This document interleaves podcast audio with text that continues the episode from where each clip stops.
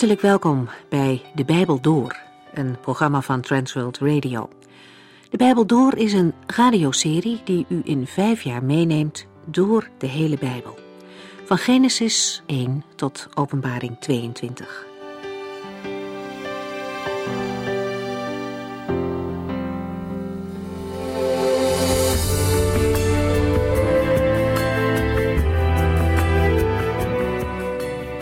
We zijn bezig met een van de belangrijkste momenten uit de wereldgeschiedenis.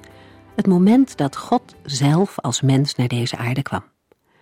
De evangelist Matthäus is een van degenen die daarover geschreven heeft. En vandaag beginnen we bij het tweede hoofdstuk van Matthäus, vers 12. De Zoon van God was gekomen. Onopvallend werd hij in Bethlehem geboren, precies zoals de profeten al eeuwenlang hadden voorzegd. We zagen de vorige keer hoe verschillend mensen daarop kunnen reageren. Ver van Israël waren wijze mannen, waarschijnlijk Babylonische astrologen, bezig om de sterren te bestuderen. En ze ontdekten één bijzondere ster. Daaruit leidden ze af dat er een koning geboren was. Ze wilden het zeker weten en namen de moeite om op reis te gaan. Deze koning, ja, die wilden ze wel ontmoeten. Ze moesten daarvoor hun dagelijkse bezigheden laten liggen en een kostbare, verre reis gaan maken. Mensen die ver van Israël en zijn God leefden, zochten toch de ware koning. En ze vonden hem. Een heel verschil met de leidende priesters en bijbelgeleerden. Deze groep kon de wijze mannen precies vertellen waar ze de Messias moesten zoeken. In Bethlehem, ze kenden de Bijbel, maar ze dachten er niet aan om mee te gaan op zoek naar dit kind. Ze namen de moeite niet eens. Herodes deed wel veel moeite voor deze nieuwe koning. Deze vrede heerser wilde precies weten waar hij hem kon vinden, met maar één doel: hem doden. We horen vandaag meer over Herodes en over zijn gruweldaden. En de vraag komt ook op ons af: hoeveel moeite nemen wij om op zoek te gaan naar deze koning? Wie hem zoekt, zal hem vinden. Dat geldt nog steeds, al moet u, figuurlijk misschien, van heel ver wegkomen om de Messias te vinden. Of misschien heeft u wel veel kennis over het geloof en over religie, maar zonder hem te kennen om wie het allemaal draait. Jezus Christus. Als dat zo is, ga dan mee op zoek. De wijze mannen namen het woord van de profetie serieus en zij reisden naar Bethlehem. Daar vonden ze de koning die ze zochten.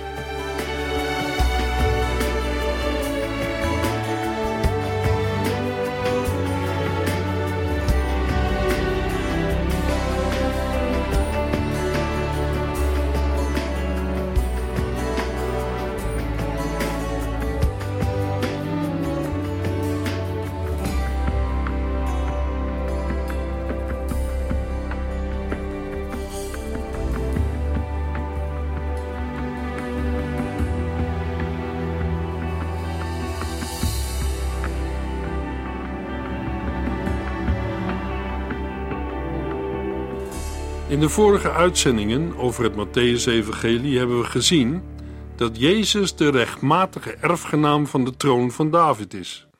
Hij heeft koninklijke waardigheid en heeft er recht op als koning geëerd te worden. Vervolgens beschrijft Matthäus 2 hoe er op deze waardigheid gereageerd wordt. Lucas vertelt dat arme herders uit de omstreken van Bethlehem gekomen zijn om hem te eren en te aanbidden terwijl Matthäus een situatie van tegenstellingen beschrijft.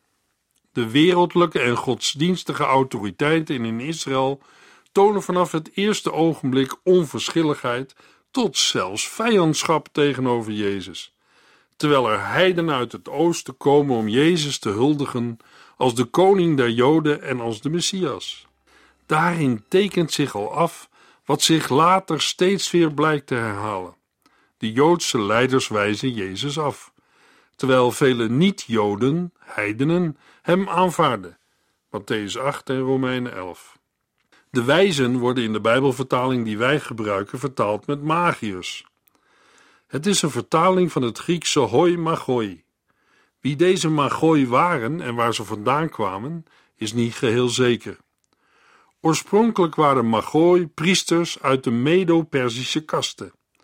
Omdat deze priesters zich ook bezighielden met het onderwijs in godsdienst en wetenschap, vooral astrologie en geneeskunde, kreeg het woord naderhand de meer algemene betekenis van bezitter en gebruiker van bovennatuurlijke kennis en macht.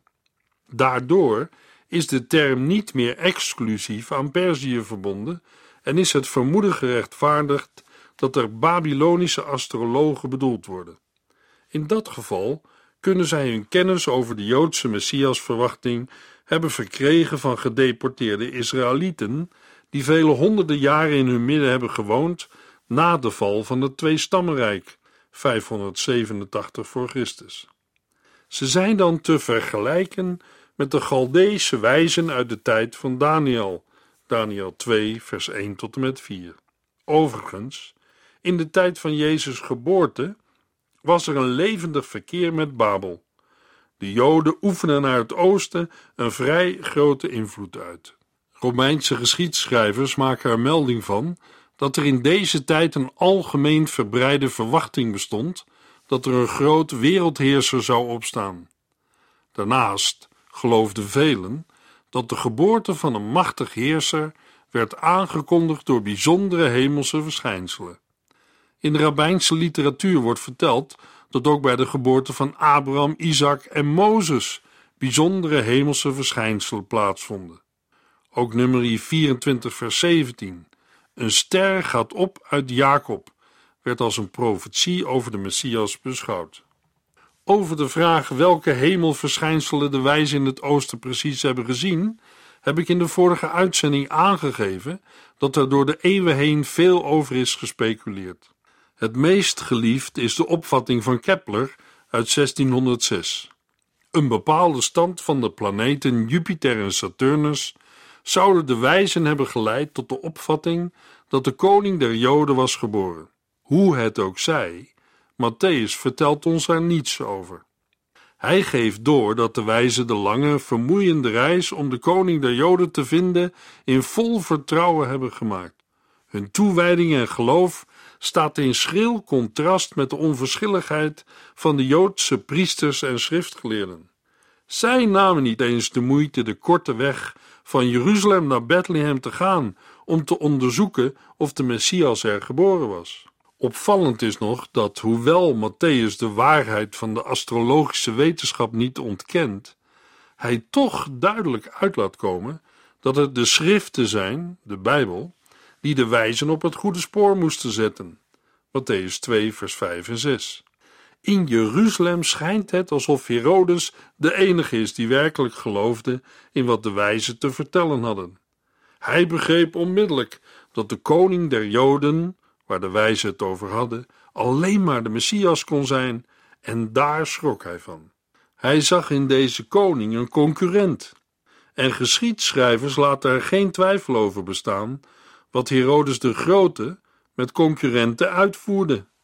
Hij nam dan ook meteen het besluit om de nieuwgeboren koning uit de weg te ruimen. Daarom hoorde hij de wijze nauwkeurig uit over de tijd dat de ster hun verschenen was. Zo kon hij de leeftijd van het kind vrij precies te weten komen. Om de plaats waar de Messias geboren zou worden te weten te komen, riep hij alle priesters en bijbelgeleerden bij elkaar. Via hen verkreeg Herodes de gewenste informatie. Ze getuigden op deze manier dat de Messias in Bethlehem geboren zou worden, Micha 5. De boodschap van de wijzen had de Hoge Raad in hoge mate moeten interesseren, en men zou verwacht hebben dat de Raad in ieder geval maatregelen had genomen om de zaak te onderzoeken en iets te doen om de Messias te ontvangen. De wijzen moeten van de Joden over de hoop van Israël gehoord hebben, en nu konden zij de Joden meedelen dat hun hoop in vervulling was gegaan. De Messias was geboren. Dat was een boodschap van Gods wegen voor de leiders van het volk.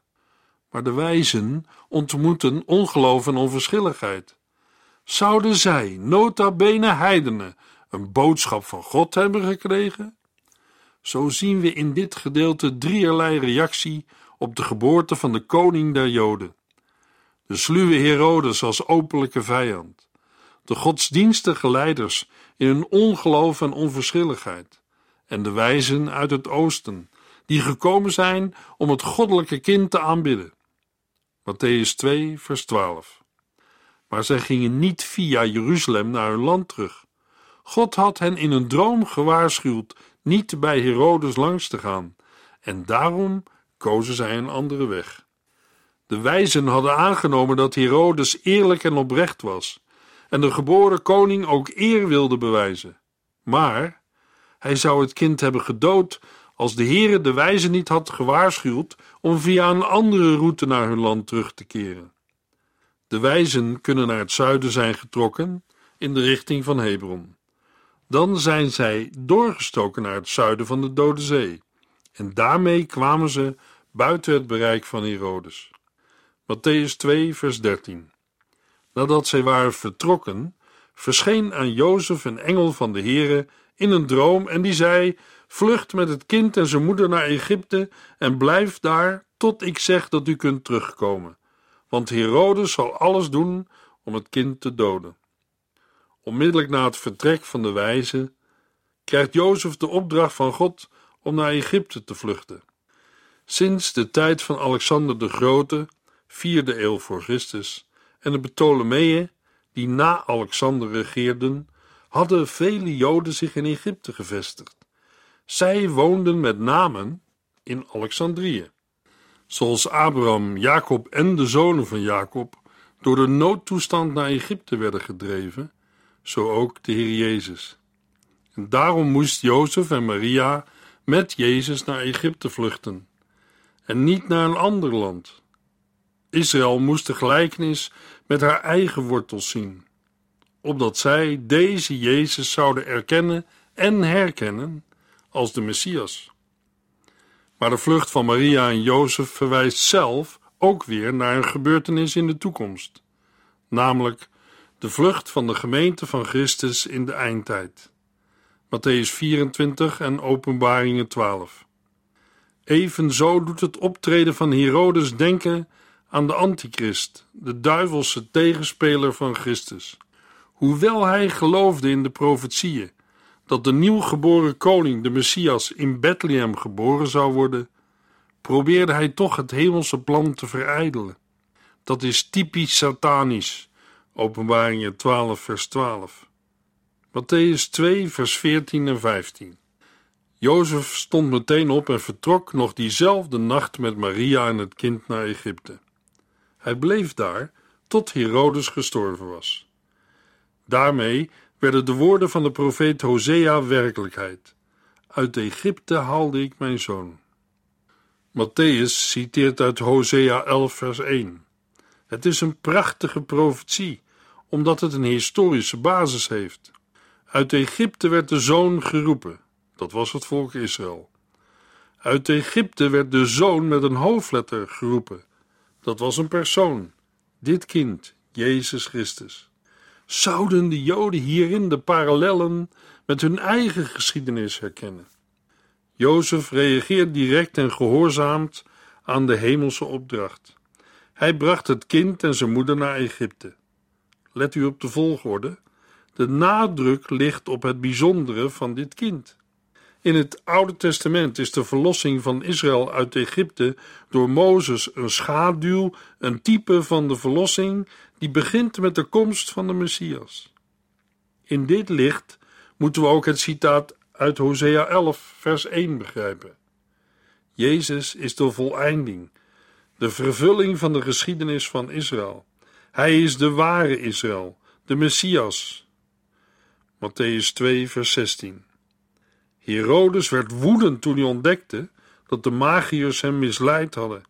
Hij gaf opdracht om in Bethlehem en de hele omgeving alle jongens van twee jaar en jonger te doden. De magiërs hadden namelijk gezegd dat het ongeveer twee jaar geleden was dat zij de ster voor het eerst hadden gezien. Al eerder zagen we dat de wijzen of de magiërs niet op dezelfde tijd als de herders bij de stal aankwamen. De wijzen kwamen later. Volgens vers 9 waren Jozef, Maria en het kindje Jezus in een huis gaan wonen. Herodes had de wijzen uitgehoord en was erachter gekomen wanneer zij voor het eerst de ster hadden gezien. Gecombineerd met het feit dat de wijzen uit verschillende plaatsen kwamen en dat in die tijd per kameel gereisd moest worden, brengt ons tot de conclusie dat de wijzen later kwamen dan de herders en dat we aan een verschil van meer dan een jaar moeten denken. We zien dat bevestigd in het feit dat Herodes in vers 16 opdracht geeft alle jongens van twee jaar en jonger te doden. Herodes is zo boos dat de wijzen niet terugkwamen om hem over het kind te berichten, dat hij opdracht geeft tot de kindermoord in Bethlehem. Waarom twee jaar en jonger? De magiërs hadden namelijk gezegd dat het ongeveer twee jaar geleden was dat zij de ster voor het eerst hadden gezien. Matthäus 2, vers 17 en 18. Zo gebeurde wat de profeet Jeremia al lang geleden had gezegd. In Rama wordt luid gehuild en gejammerd. Rachel huilt om haar kinderen en wil zich niet laten troosten, omdat ze er niet meer zijn. Hier wordt naar Jeremia 31, vers 15 verwezen. Het valt op dat het citaat uit Jeremia 31 niet spreekt over Bethlehem, maar over Rama. Daarnaast wordt in Jeremia een verband gelegd met Rachel. Het graf van Rachel, Genesis 35, was sinds lange tijd een van de heilige plaatsen in Israël en bekend bij de inwoners van Bethlehem. Nu zijn er verschillende plaatsen die met Rama worden aangeduid. Een oplossing kan dan zijn dat Herodes tegen zijn soldaten heeft gezegd: Trek maar een cirkel rond Jeruzalem met een straal zo ver naar het zuiden als Bethlehem en zo ver naar het noorden als Rama. Immers, in vers 16 hebben we gelezen: Hij gaf opdracht om in Bethlehem en de hele omgeving alle jongens van twee jaar en jonger te doden. Bethlehem en de hele omgeving geeft aan dat Herodes waarschijnlijk een heleboel kinderen doodde. Mogelijk in een gebied met een straal van rond de 20 kilometer. Van Bethlehem tot Rama, overal kun je het gehuil en gejammer horen. Hartverscheurend moet het zijn geweest. De profetie, door Jeremia uitgesproken, werd letterlijk vervuld. Matthäus 2, vers 19 en 20. Na de dood van koning Herodes zag Jozef in een droom opnieuw een engel van God. Hij zei: Ga met het kind en zijn moeder terug naar Israël, want de mensen die hem wilden doden zijn gestorven. Het is van wezenlijk belang om de Heer Jezus terug te brengen naar Israël. De belangrijkste reden is dat hij onder de wet is geboren en dat hij ook onder de wet van Mozes moet leven. Hij is de enige die de wet ooit heeft gehouden. Matthäus 2, vers 21 tot en met 23. En Jozef ging met zijn gezin naar Israël terug. Hij durfde echter niet naar Judea te gaan, omdat hij had gehoord dat Herodes' zoon Archelaus daar nu de macht in handen had. In een droom zei God hem naar de provincie Galilea te gaan. Daar gingen zij wonen in de stad Nazareth. Dat klopte met wat de profeten hadden voorspeld. Hij zal Nazarener genoemd worden. Het Hebreeuwse woord voor Nazareth, netzer, betekent tak, twijg of uitloper. Het stadje Nazareth werd zo genoemd vanwege haar onbelangrijkheid. De term Nazarener is verbonden met de profetieën uit Jesaja 11, 53 en Psalm 22. Maar de Heer Jezus werd deze titel gegeven niet alleen omdat hij een scheut uit de stronk van Isaïe was, maar ook omdat hij opgroeide in de plaats Nazareth. Als Jezus later Nazarener wordt genoemd, Matthäus 26, vers 69 en 71, dan is dit in de meeste gevallen een teken van miskenning. Daarom is het wonen in Nazareth een vervulling van de profetieën die zeggen dat de Messias onopvallend zal optreden en door zijn volk miskend zal worden. De profetieën rond de geboorte van Christus zijn op een heel gewone manier vervuld. Wat in het begin nogal vreemde profetieën leken, bleken op het moment dat ze plaatsvonden voorstelbare werkelijkheden te zijn. Matthäus 3, vers 1 en 2. In die tijd begon Johannes de Doper met zijn verkondiging in de woestijn van Judea. Hij riep iedereen toe: bekeert u, want het koninkrijk van de hemelen is vlakbij. Jezus groeide op in Galilea, maar Johannes in de hooglanden van Judea. Hij begon dan ook in de woestijn van Judea. Als we alleen het evangelie naar Matthäus hadden, zouden we vragen: waar komt Johannes plotseling vandaan en wat is zijn achtergrond? De profeet Malachi had gezegd dat de bode of de heraut van tevoren zou komen om de weg voor te bereiden van de komst van de koning. Malachi 3 vers 1 Luister, ik stuur mijn boodschapper voor mij uit om voor mij een weg te banen. Deze boodschapper is Johannes de Doper. Johannes de Doper maakte duidelijk dat hij alleen maar de voorbode was. Wat was de inhoud van zijn verkondiging? Bekeer u, want het koninkrijk van de hemelen is vlakbij. Drie dingen vallen op. Als eerste, bekeer u, dat wil zeggen, houd op met zondigen. Bekering is de vertaling van het Griekse woord metanoia. Dat betekent verandering van denken. Het spreekt van een volkomen verandering, namelijk berouw over zonde en eerbied en ontzag voor God. Het tweede is: het koninkrijk van de hemelen is vlakbij. Laten we nu eens deze drie uitdrukkingen nagaan. Bekeer u als eerste, en als tweede het koninkrijk van de hemelen, en als derde is vlakbij. Ze zijn heel belangrijk. De uitdrukking Koninkrijk van de Hemelen betekent de regering van de hemelen over de aarde. De Heer Jezus is de koning. Er is geen koninkrijk zonder koning en ook geen koning zonder koninkrijk. Een koning moet een koninkrijk hebben. Wat bedoelt Johannes met het koninkrijk van de hemelen is vlakbij? Hij bedoelt dat het koninkrijk van de hemelen aanwezig is in de persoon van de koning, Jezus Christus.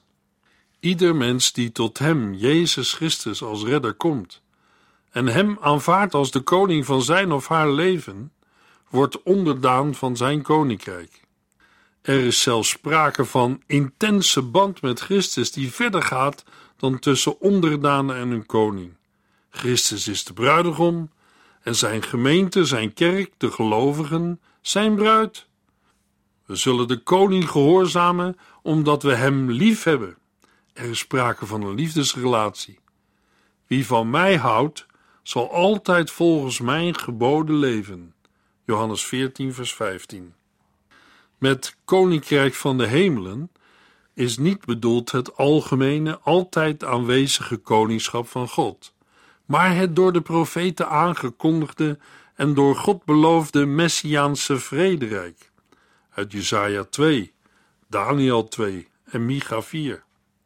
Het koninkrijk van de hemelen is vlakbij, aanwezig in de persoon van de koning, Jezus Christus. Dat was de enige manier waarop het aanwezig was. Matthäus 3, vers 3. De profeet Jezaja doelde op deze man toen hij zei: Luister, ik hoor de stem van iemand die roept in de woestijn: Baan een weg voor de Heere, maak zijn wegen recht. Matthäus vertelt ons nu dat wat hij vermeldde vervulling is van een profetie. Jesaja 40, vers 3. Alles waar Johannes de Doper voor zichzelf aanspraak op maakte, was dat hij een stem was die roept in de woestijn. En zijn doel? Om de weg voor de Heere te banen. Matthäus 3, vers 4. Johannes droeg kleren van kameelhaar en had een leren riem om. Hij at sprinkhanen en honing van wilde bijen. Het voorkomen van Johannes de Doper doet sterk denken aan Elia in 2 Koningen 1. Mogelijk was de kleding die hij droeg karakteristiek voor een profeet. In ieder geval paste het bij een bewoner van de woestijn. Bij zijn sobere kleding hoort ook sober voedsel. Van de sprinkhanen mochten vier soorten worden gegeten. Leviticus 11, vers 22. Het was bij de armen geen ongewoon voedsel. Matthäus 3, vers 5. De mensen kwamen van alle kanten naar hem toe, uit Jeruzalem, uit de Jordaanvallei en uit heel Judea. Het valt op dat er staat De mensen kwamen van alle kanten naar hem toe. Waarom? Omdat het volk hem voor een profeet hield. Matthäus 21, vers 26. Matthäus 3, vers 6. Ieder die zijn zonde beleed, werd door hem gedoopt in de rivier de Jordaan. De doop van Johannes moet met zijn werk in verband gebracht worden. Hij bereidde het volk voor om de Christus te ontmoeten. Dat moest gebeuren door bekering en geloof. En daarom heeft Johannes de Doper alleen hen gedoopt die hun zonde beleden. Matthäus 3, vers 7 en 8. Er kwamen ook verscheidene Fariseërs en Sadduceërs naar hem toe om zich te laten dopen.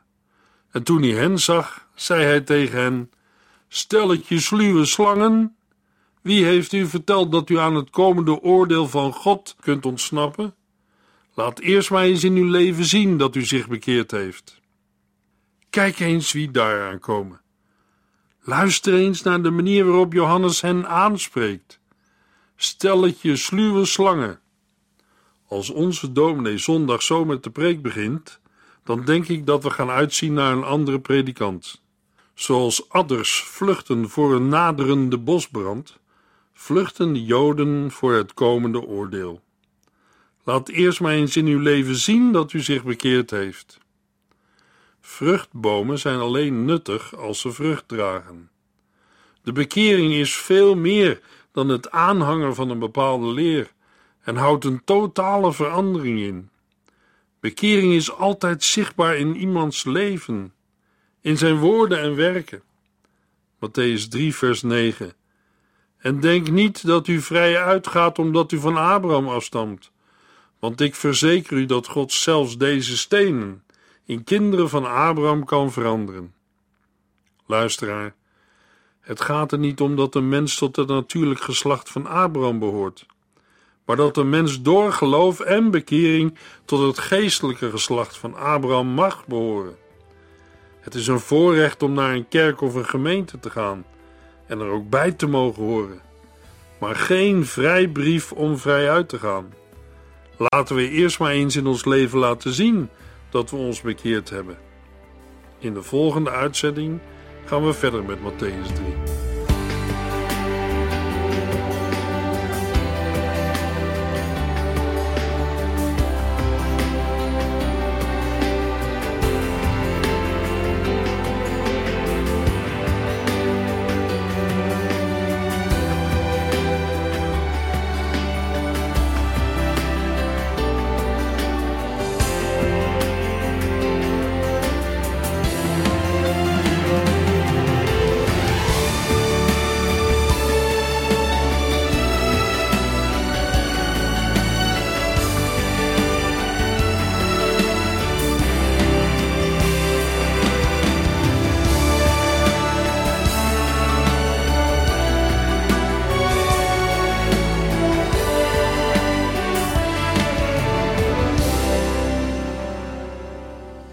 Geluisterd naar De Bijbel Door. In het Nederlands vertaald en bewerkt door Transworld Radio. Een programma waarin we in vijf jaar tijd de hele Bijbel doorgaan.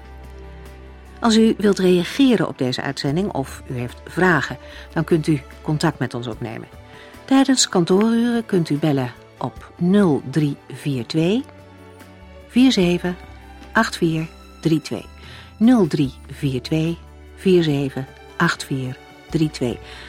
Ook kunt u een e-mail sturen naar de Bijbel door transworldradio.nl en natuurlijk kunt u ook via de post ons bereiken.